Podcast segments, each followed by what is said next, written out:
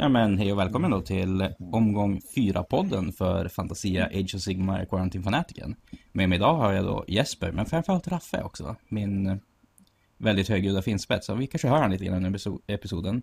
Men du Jesper, du är här i Umeå igen. Ja, jag är ju här för att ligga och klappa på Raffe. Vi, vi har ju blivit bästa vänner här nu känner jag. Ligger i mitt knä och bara myser. Jo, men eh, folk som börjar relationer med han lever godis brukar alltid ta få det bra till dig. Ja. Men jag tänker först att vi kan gå igenom snabbt i förra omgångens matcher. Mm. Först ut hade vi då Taylor Persson mot Alexis Herbeck och det här var ju Soulblight Gravelords. En virkostlista mot en Armor Stackande Stormcast-lista. Mm. Och här blev en ganska övertygande vinst för Alexis med 15-5. Bra jobbat. Ja, oh, jag tänkte att den här matchen skulle bli lite jämnare med den och ändå tippat Alexis i den. Mm. Eh, så hade vi Jon Borg mot Ingvar Widerlund och här är då den här Alariel Sylvaneth Många Trilord-listan. Ja. Mot Ingvar Widerlund som har de här snabba eh, Lumineth-täcket han höll på med. Jag tror att han spelade Helion eller vad det var. Viking Holmqvist mot Tim Eren. Så här är den här Cities of Sigmar-listan som är baserad på dvärgar. Mot en eh, Bloodthirsty-lista. Och den här matchen blev faktiskt 20-0. Mm.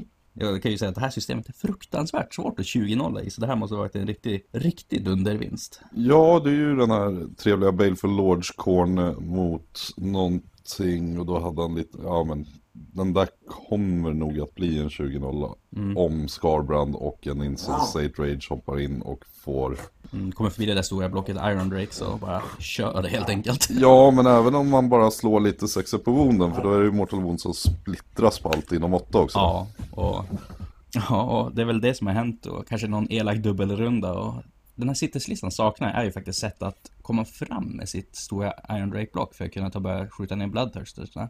Han spelar ju inte med Soulscream Bridge i den här listan till exempel. Nej, men alltså jag älskar ju Tims lista. Det är inte bara en, det är inte bara två, det är inte bara tre. Det är fyra Bloodthirster mm. of Insensate Rage. Ja, det, det är ju den han alltid spelar. Fem till och med. han, han älskar ju blodtörstarna. Fem stycken. Ja, det är väl så många blodtörstare som man någonsin kan få. Ja. Ja, det är en jättecool lista. Det är ju den här, vad heter det, istemade eh, listan som eh, man har sett lite här och var. Ja. Det är fantastiskt snygga med och ser fantastiskt kul att spela också. Alltså det är så. sjukt häftigt bara. Jo. Nej, så eh, Tim får fan eloge för den 20-0 ändå, även om mm. Sen har vi Per Sigvalius mot Ronja Andersson och här har vi då Legion of the First Prince som Sigvalius spelar mm. mot eh, Nighthaunt med dubbla Black Coaches. Black Coaches är ballt. är det? Jo. Men spelar med massa hästar då också kanske? Ah, så har inte supermycket hästar ut. Blade Guys Revenants och lite Shane Rasp Hordes och mm. Ica Kassepojkarna och en Guardian of Souls tror också. Ja. För det som är, spelar man hästarna så får man ju tillbaka mer wounds till listan mm. så att säga. Jo. För de returnar ju slain models och inte... Jo, jag har ju sett att eh, Ronny har ju byggt flera alltså, av eh, hästarna. Han har köpt många Dreadblade Harrows och satt dem på den här lite större basen som man ska ha till hästarna och har som byggt en hel enhet till det till fanatiken. Så Absolut. tror jag att det blir mer det täcket då. Jag gärna hade sett Spirit Host från unga. Speciellt med två Black Coaches så, så sitter man inne på att man kan få tillbaka mycket wounds att Spirit Host har 6 av hit så är det Mortal Wounds mm. också. Vilket är en fruktansvärt bra ability i metat vart vi nu är. Men Jesper, du har ju spelat en hel del Legion of Grief och Nighthaunt. Vad, vad är det egentligen en Black Coach gör, skulle du säga? Alltså vad är dess grej? Tidigare så var det ju absolut ingenting mer än att man skulle ta den i en bataljon. eh, när man ville chargea med de här hästarna. Häst, två enheter med hästar och så någon hopp och studshjälte och Black Coachen. Men det de har fått nu då, det är ju, och som alltid har de ju haft det också, att du levlar upp dem. Och sen kan de börja göra tick in mortal wounds, de är snabba, de kan få run and charge. De är en tarpit, verkligen. 12-14 wounds var och 4 plus unrundable 6 shrug som du har hjälte där. Sen har väl de även fått totem keyword nu tror jag så att mm. de kan issue commands och liknande. På 18 tum. Mm. Så det är ju faktiskt ganska vettigt. Ja, det är en ball, ball grej att ha. Uh, där jag tycker att Ronja tappar lite det är att inte ha fler wounds-enheter uh, som mm. du utnyttjar den här healen de har. För de helar antingen en enhet, en enhet med D3, return D3 slain models och även helar sig själva D3. Så när man spelar dubbel så ska man ha mycket multi-enheter helt enkelt. Ja, det är väl den vägen jag skulle ha gått i alla fall.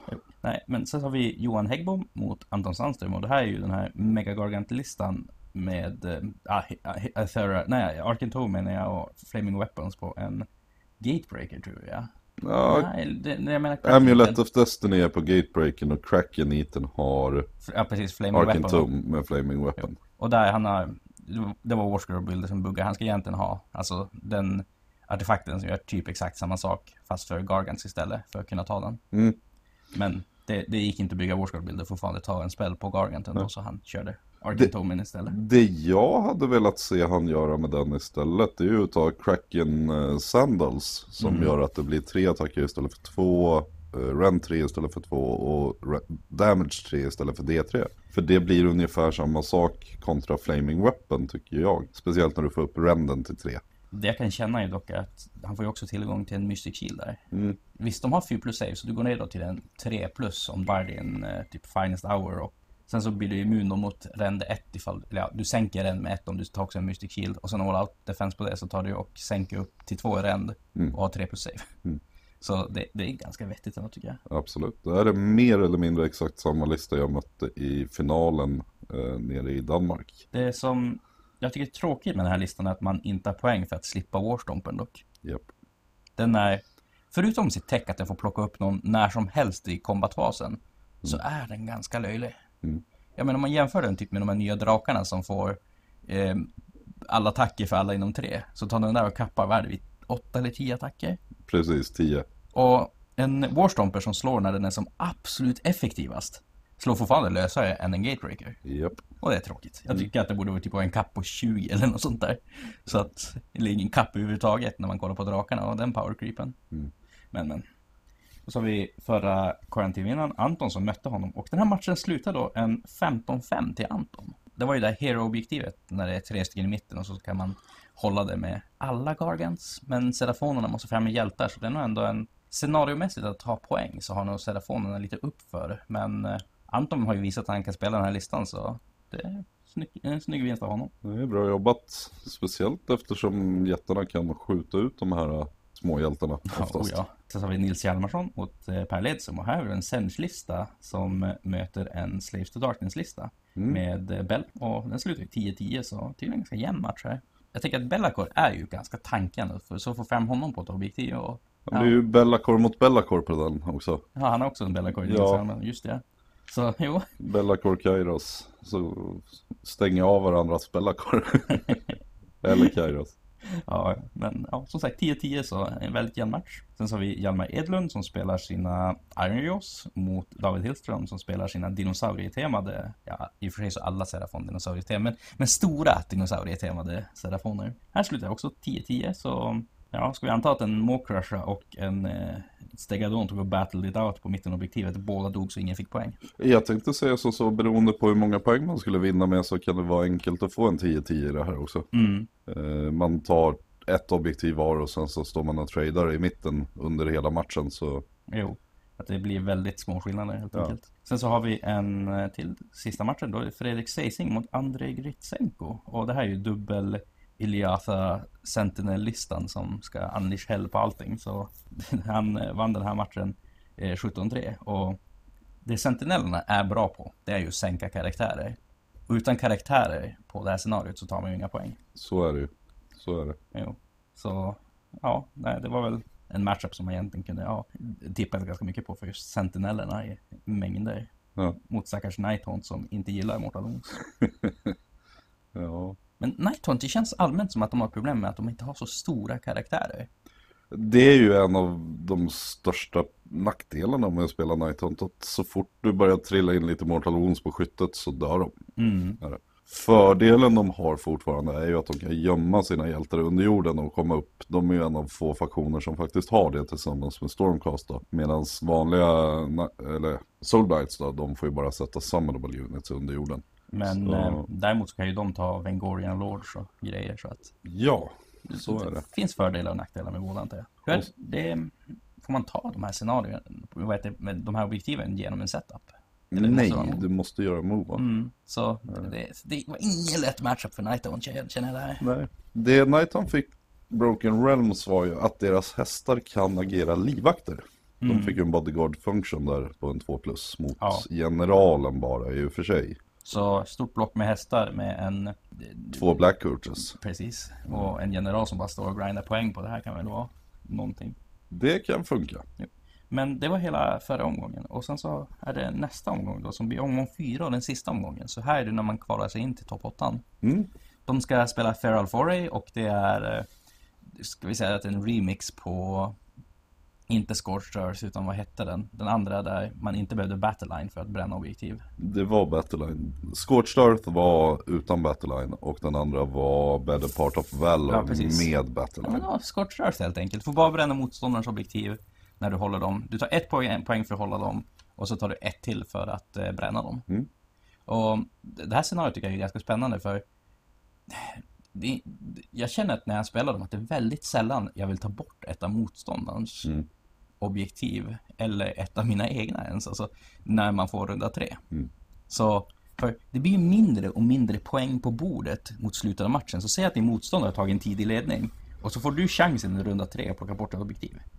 Det är nästan bättre att låta motståndaren då skåra ett objektiv för du ska kunna skåra den dubbelt och sen bränna den Absolut. senare i matchen. Absolut. Ja, det, det, det är ett av de här scenarierna. I och för sig så tycker jag att alla scenarier i Age of Sigmar är ganska bra. Att man måste som tänka väldigt annorlunda på allihopa. Mm. Men eh, nej, jag gillar det scenariot. Och ska man kika lite poängmässigt då så är det ju Tim Eren som ligger på åttonde plats just nu på 36. Väldigt passande när han spelar kvar. Det är det. Sen har vi Jon Borg 32, Theodor Persson 32, Henke du ligger på 30, Ingvar på 28. Jag har ju för sig droppat från turneringen så jag får inte spela. Ja, du har lämnat VO. Nej, så jag, vi hade någon annan som droppade i andra rundan så jag tog och droppade runda tre och runda fyra. Ja. Så jag är inte med längre. Nej, du är utslagen Ja, helt enkelt. Men sen är det Per Ledström 25 och Nils på 25, Fredrik 23, Mikael Näslund 23, Fällman 20, så det finns fortfarande chans liksom, men det krävs väldigt mycket, samma för Viking där på 19. Mm, de ska behöva en rejäl 20-0 och att det är ganska jämnt i toppen helt enkelt. Ja, Ja, men överst inför det ligger ju Alexis. Han är klar redan, enda som är klar på 57 poäng. jo.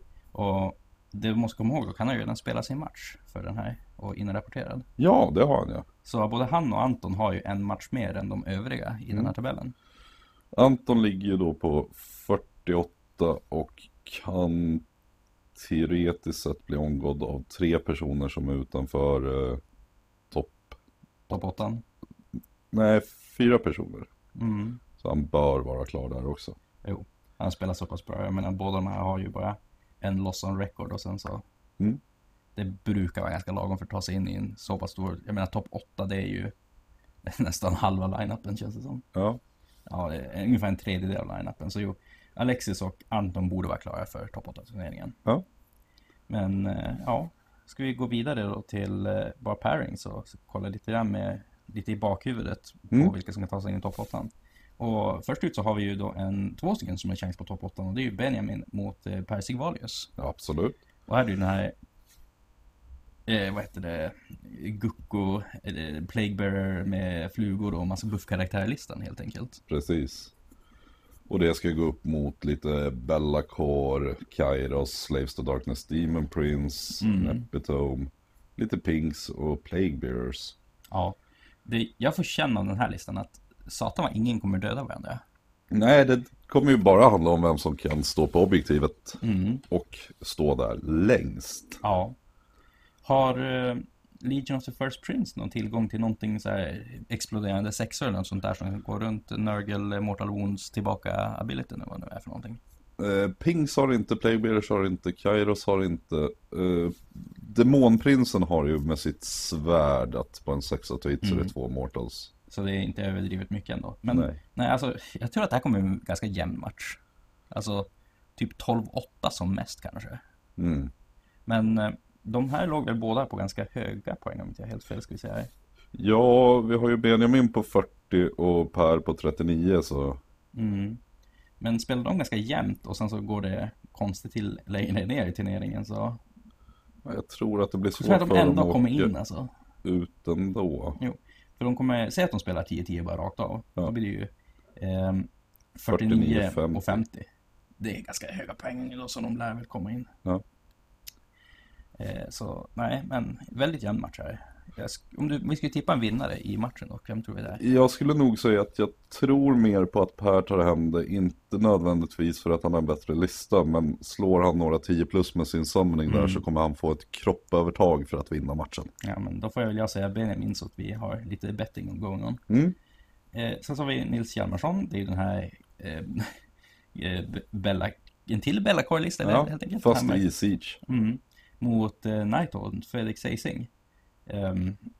Jag känner ju ganska mycket att Nighthawk kommer ha problem här. Det är mycket Mortal Wounds och Bellacore är ju en ganska skaplig pjäs på att stänga ner stuff. Dels är det Bellacore men även har han ju Kairos för att Mm. liksom da- sex mortal wounds och sätta upp en span som hindrar väldigt mycket av det här med att Nighthaunt vill chargea som de vill. Mm. Om, Hade däremot eh, Nils där spelat eh, Duplicitus istället för Host Arcanum så hade Mm. jag garanterat sagt att han vinner för då får inte Nighthaunt retreata. mm. Men eh, om Nighthawk har någon fördel här är det ju att de är lite bättre på moment än vad Sencha. Just för att de kan komma upp ur sina eh, gravesites och allt det där. Och Precis. Ja. Men eh, nej, nog tror jag att i själva grinden här att man ska ta ihjäl motståndararmé så har nog Sench en ganska stor fördel. Så är det absolut. Kom hit! Jo, det är grannarna skaffar ny katt som de har frigående. Ja. Den muckar gräl med Raffe. Men eh, nästa då är ju faktiskt redan spelad. Då har vi Anton Sanser mot Alexis Herbeck. Mm. Och det är ju då eh, den här skink i väldigt mycket Mortal Wounds-listan mot en Armor Stack Stormcast-lista. Ja. Och den här matchen spårar ju iväg mycket mer än vad jag trodde den skulle. Men om Stormcast har en fördel här är ju att han kan alfa-strika skinklistan rätt hårt. Och Serafoner rent allmänhet gillar ju inte saker som slår först och slår hårt helt enkelt. Så är det ju absolut. Och uh, Alpha Strike emot Skinksen så har de inte hunnit få in sina buffar och då blir de väldigt tama. Jo. Men jag känner ändå att det, känns som att han borde kunna offra ett skinkblock på att bara stå i vägen första rundan. Låta dem ta smällen och sen bara reagera på det som händer. Nu vet jag inte hur trängen såg ut där men det jag hade siktat på är väl att ha eh, trean med Terradon Riders stående som en screen och två femmor Chameleon som screen i cover för att de har en 4 plus ward och liknande. Jo, så... Nej, det, han, jag, som det lät så hade Alexis hittat en lucka att komma in i armén, alltså redan runda ett och börja som köra. Så den matchen brakade iväg tidigt i poäng. Ja då blir det ju svårt att hämta ifatt också. 17-3 blev det ju där i matchen också. Ja. Vilket är en väldigt övertygande vinst när det är så pass svårt att ta poäng i det här scenariot. Mm. Eh, sen så har vi Ingvar Widelen mot Per Ledström och det här är ju då de här snabba luminetterna mot eh, Bellacore och eh, company i Slaves to Darkness. Mm. Och jag tror här kommer Bellacore kunna stänga ner ganska rejält i början av matchen. Men eh, Framför allt eftersom det är en techlist-lista liksom. ja, Det är ju ja, men på en 3 plus och speciellt om jag ger dig dubbelturen då så kommer du bara stå där. ja. Vilket suger ganska Ja. rejält för Teklis. Verkligen. Och då har man nog hamnat så pass långt efter på poäng redan att man inte kommer komma ifatt där. Mm. Så nej, definitivt att Bellacore har alltid varit den här silver bulleten mot de här stora eh, pjäserna och dödsstjärnelistorna. Och jag tror att han har så mycket, mycket fördelar att han faktiskt kan ta hem matchen. Absolut. Det, där, där håller jag med dig. Det ser man på. Jag. Sen så har vi dubbla Black Coach-listan som Ronja spelar mot Andrei Gritsenko, en till Teklis. Andrei, vart hade vi han då? Måste jag se vad han hade i min, sin lista med. Det är den här dubbel Sentinel Ilyasa-listan. Ja, här uppe ja. För det Nighthaunt vill göra är ju att lyckas med de här 10 tum chargerna. Jag kan fortfarande inte förstå att ni inte kan få folk att skicka in listor i Warscroll-bilder. Alltså det står i dokumentet. Så länge som har varit korrekt Ja, inskickat. vet. Pdf-filer och allting och screenshots för att skicka in det. Ja. Det finns ett frågetecken när man går in i Warscroll-bilder Ja. uppe i högra hörnet. Tryck på det, tryck bara på copy och Mm. sen klistra in. Men en Techlist, det är en Catalar, Sentinel, Sentinel, Wardens, Wardens och Spellportal ja. Mm. Och han spelar Iliatha som är Ja, som sagt, du får kopiera varandras command ability. Så ta en sentinel-block och unleash heller. Då får det andra också göra det. Japp. Så Nighthawk går för att vilja göra sina 10 tum charges till att kanske inte så kaxiga på charge ändå. Jag tänkte säga att de blir väl kaxiga för de får slåss direkt om att avsluta den chargen. Så händer det innan man får Det händer unleashen? innan du får Ah. skjuta. Ja, då, då funkar det nog ganska bra. Så där kan man på något sätt då trada eh, på ett vettigt sätt. Något som kommer göra göra väldigt ont och är ju alla Mortal Wounds Teclis kommer göra via spellportal. Ja, de, Searing Light of Freaking Doom eller vad det heter. de eh, hemska är de. Jo. Så, ja alltså, jag vill ju tro på Nighthaunten här, men Jag kommer ju heja på Nighthawks. jo, det är ju en svår matchup. Det är det verkligen. Men ska vi gå emot våra bättre sinnen och säga att Nighthaunts vinner den här då? Ja, men det, jag tror att det är mest för att vi inte tycker om Techlis. Ja, förmodligen. Är det. Nej, alltså, när man möter en Teclis som bara, nu kör vi Wars of the Mountain och så har vi en snubbe som kastar Crippling Vertigo och så en som kastar Darkness of the Soul och så lägger vi upp en Total Eclipse. Ja, Det är ju förmodligen den tråkigaste matchen man kan spela. förmodligen. Ja. Så nej, vi, vi en Nighthaunt får visa att de fixar det här. Ja. Vi hejar på dig Ronja. Ja, eh, sen har vi William Nygren mot David Hillström och det här är en till Alarie-lista mot eh, Dinosaurielista. Eh, Alariel har ju blivit ganska mycket bättre. Han Jag- spelar ju också en, vad heter den nya eh, flöjtsnubben som kom i Broken Ramsey för mig. Alltså jag, han har ju Alariel, Branch Wraith, Tree Lord Ancient, Warsong Revenant, Mm. två 10 driader, en femma Tree Revenants, en femma Spite och en enhet med Kern of Hunters med eh, liarna. Mm. Jag känner ju att med Dryadfabriken kan han ju ändå få fram de här kropparna som kanske behövs för att stå i vägen för dinosaurien. För dinosaurierna, man väl brakar in i typ dryader saker, de kommer ju bara försvinna då. Ja, Men Warsong Revenanten och Alariel är ju båda bra på att det är att de får, har fått den här buffen att de har alla spells i boken. dels har du det, men Tree Lord Ancient också som ger plus ett på save-auran. Mm. Är det. Och sen så Alariel är ju lite hårdare än någon Serafon-dinosaurie. Ja, både ja och nej. Är det en stegadon så kommer ju den säga eftersom Alariel är en modell bara att den ger sig själv plus ett på save mot henne.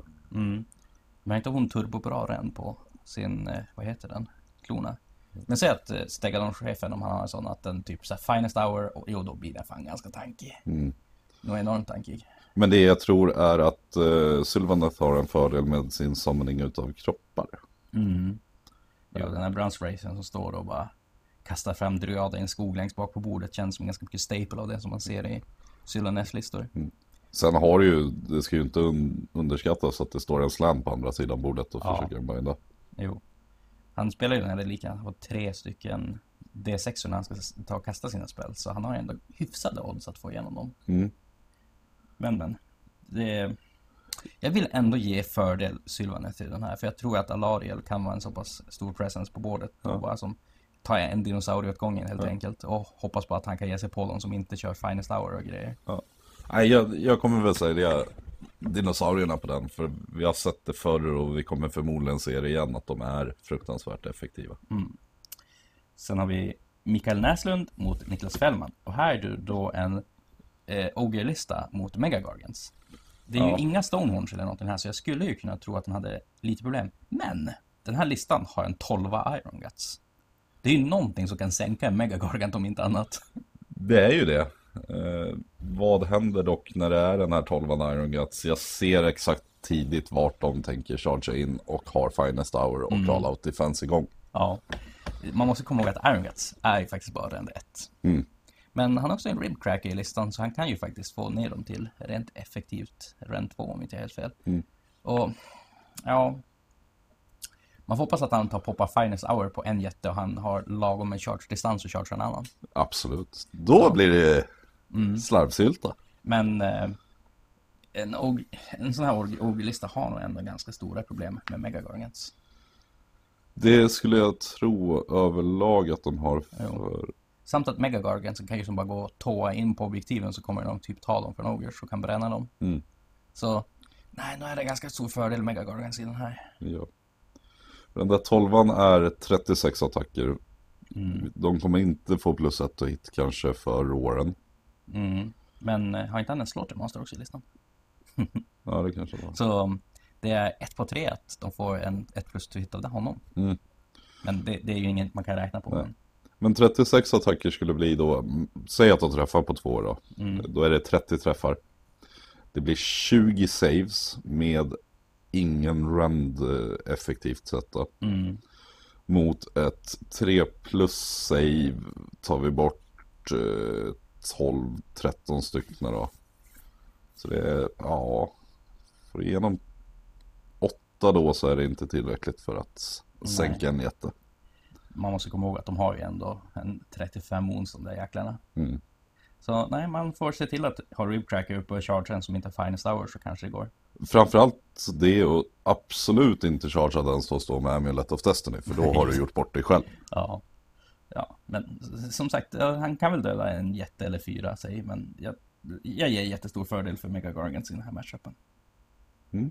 Jag menar, säg att Gluttons och grejer skulle börja chartra Mega Gargants, de gör ju skräp och ingenting på dem. Så är det. Ehm, sen så har vi en till Mega Gargant-lista, eh, Johan Häggbom mot Tim Ehrens. Och här har ju Scarbrand en väldigt stor funktion i att han kan gå in och nacka en Mega Gargant. Ja. Vad, för de som inte vet, hur funkar hans yxa Mm. Carnage igen? Nu ska vi tänka till lite här. Jag är... För han hade Nej. inte med sig... Blodsäkratorn och grejer. Nej, så han kommer ju bara en attack på den där. Det är ju för sant. Och då är det ju att om han inte har slagits i en av combat facesarna i tidigare runda så kommer han alltid räknas som att han har tagit max skada Och var på sin... skitförbannad. Mm.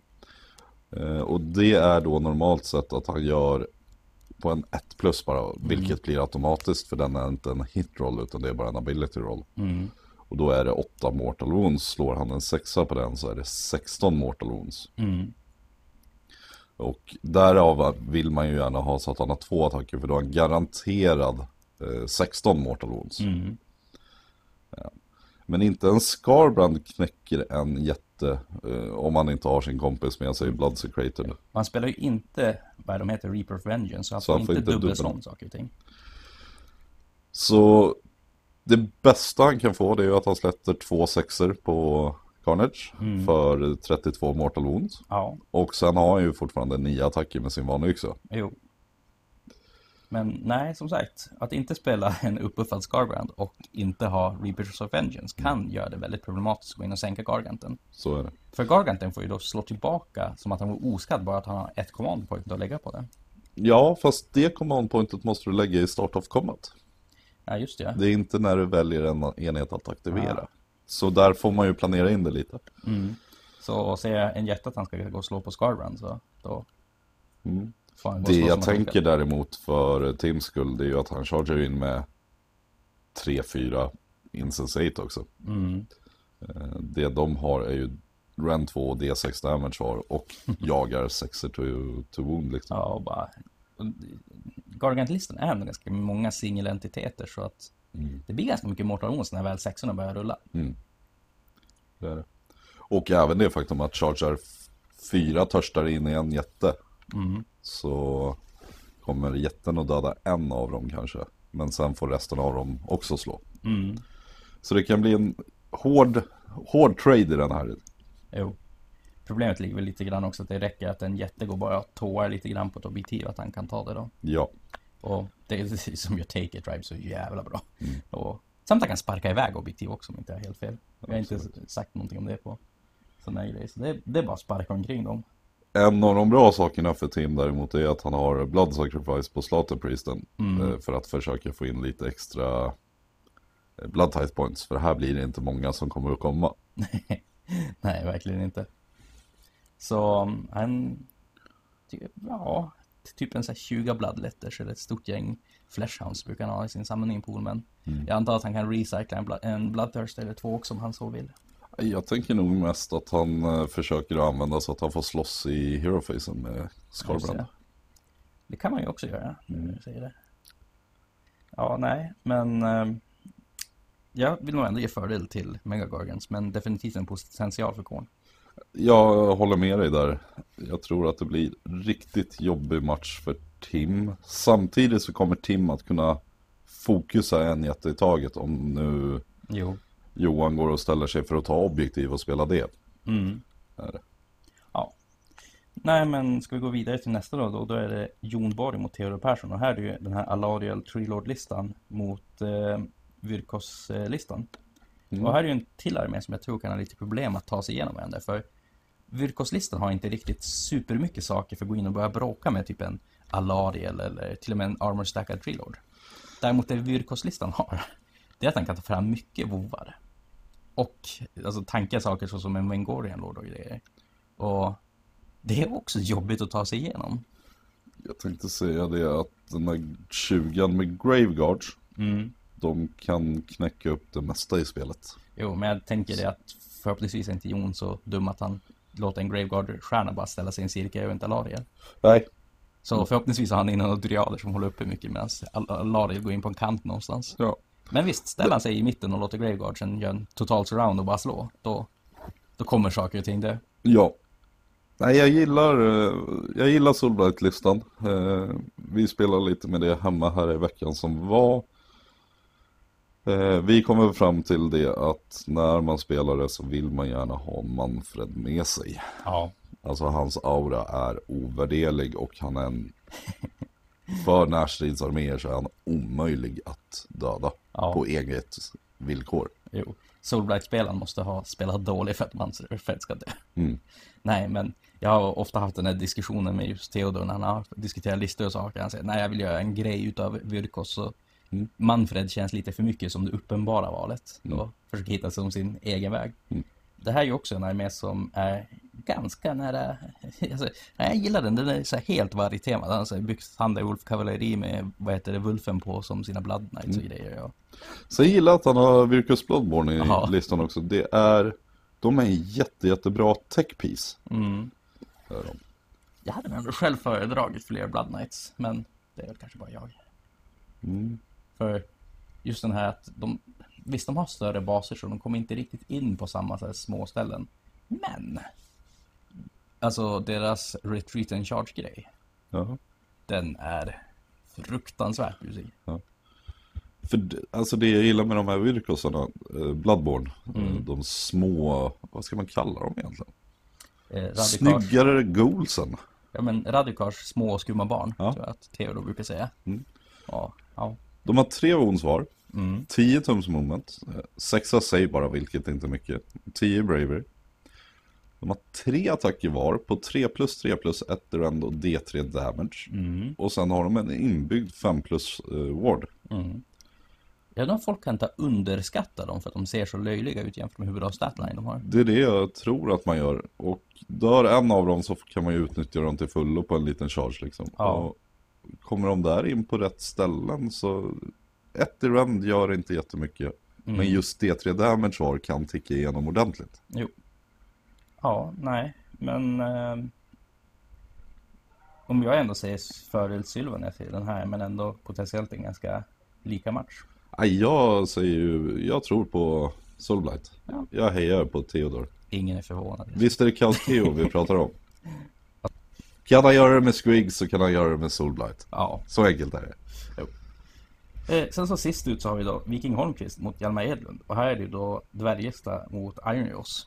Och det jag känner rent spontant är att det kommer vara jävligt jobbigt för Ironjaws att ta sig igenom det där Iron Drake-blocket. Ja, vad sa nu att det var? Det var... Var det... Det är Celestial Hurricanum, stort gäng, Iron Drake, stort gäng, eh, eh, Iron Breakers och så stort gäng Hammerers. Så han är en av varje enhet. Ja men det var Viking och Hjalmar eller? Ja, precis. Ja. Alltså, det där... Uh, dvärgarmén är stark. Mhm. Jag gillar den. Som sagt, jag hade gärna sett en, någon, någon sak för att få fram Iron Drakesen lite grann. Ja. För annars är det så lätt att bara ta som ställa sig utanför deras threat range. Eller att de måste gå för att skjuta. Yes. Men det är mot en Big Wog. Mm. Men det är bara en Magcrusher. Ja. Så, Oj vad låg poäng han sa. Spelar han på jättelåg poäng eller? 1915. Ja, då får han väl garanterat sin triumf. Ja. Det, det, det känns väldigt lågt. Mm. Ja. Och han har kunnat skyffla om lite grann och klämma in en till karaktär någonstans. Men du, han har ju metal rippas klar på Megabotsen på Markrushen. Mm. Det är väl eh, turbobra rent så att säga. Ja, run 3. Så, Och så 3 damage flat på det där. Ja, så kommer den in i Iron Racen så kan bli ganska mycket av en burköppnare ändå. Ja, speciellt med Roaren så att de inte kan all out defensa. Då går de från sin 3 plus till 6 bara. Ja, Och damage 3 så... det kan gå. Ja, jag tror att det finns lite tech för det. Mm. Jag känner ju dock att det finns ju en trollhammar-torped där också för stackars småkrashen. Ja, och där förstår jag inte varför han inte har lagt sin Markrusher som general med Command Rated Ironclad för plusset på save. Mm. Den, den förvirrar mig lite för en Markrusher med 2 plus save. Är ganska tajt. Möjligtvis att han då även får av eh, eh, plusset på save till från en Mystic Shield. Mm. Finest hour på det. Ja men du har en nästintill odödlig Ja. Om det inte är Mortal Wounds. Mm. Det jag känner rent spontant är ju att om han positionerar dvärglistan bra då. Säg att han även skulle få igenom jättemycket save-grejer på en Mokrash och chartra den. Ja. Det är ju ändå ett Celestial Hurricanum där också för Andy Shell. Ja. Och det är ju tre, alltså det är tre Mortal Wounds på två plus så att säga. Den använde jag när jag var i Danmark. Vad var det som chargeade mig då? Det var... Nu ska jag tänka. Squigs chargeade. Mm. Och hade slagit ihjäl min Gottrek om jag inte hade gjort det. För den lyckades jag slå nio mortals på mig. Så fyra Squigs stod. Den är fruktansvärt effektiv med sina Mortal Wounds. Jo. Jag känner ju saker som ignorerar allt det här med hitrolls och grejer för Annie Shell och bara gör mortals. Det är, det är så fruktansvärt bra ability. Ja, ja, ja. Och jag menar, Hurrikanumet är väl bland de mera så här täckiga Andy Shellen du kan göra i spelet, Mm. just känns det som. Och jag har använt den när jag blivit chargead utav Luminet också till exempel. Det är ju bara att plocka bort gubbar. Ja, Nej, Hurrikanumen är en... Så fort jag sätter mig med Cities och börjar bygga så är det det första jag klickar i. det är ju samma, alltid när man snackar med de här City-spelarna, typ, jag diskuterar en hel del med, vad heter han, Simon Hall och grejer. Mm. Och det första han säger är att det, man börjar alltid med en Hurrikanen. Det är Mm. poäng man bara lägger under den här listan och sen kör man. Mm. Den är bra i typ alla subfactions. Den är bra med exakt allting i listan. Den, ja. nej, varför ska man någonsin inte ta en Hurrikanum? Nej, jag har ju lekt mycket med Hurrikaner men det var ju det jag åkte med till Italien också tillsammans Mm. med sju stycken Scourger och Chariots och liknande. Ja, det är ju alltså den listan. Ja. Ja, nej, men eh, jag vill ge fördel till dvärgarna i den här matchen. ja, jag tänker väl säga orkerna då bara för att jag gillar Metal Rippas klar. Jag är lite Eh. mer av att jag gillar Destroyer bara för att den kan göra så absurda saker. Mm. Men i den här editionen, när man behöver en, så tror jag att Metal Rippas är bättre. Jag tror på dvärgarna men jag hejar på orkerna om vi säger så. Ja, okej. Även fast jag egentligen är dvärgspelare. Ja. Nej men Jesper, var trevligt att vi kunde livepodda den här gången. Ja. Och vi får väl kanske ta och diskutera något mer nu när vi väl ser vilken topp 8 är. Det tycker jag. Och tycker ja. Tack för den här gången. Tack, tack.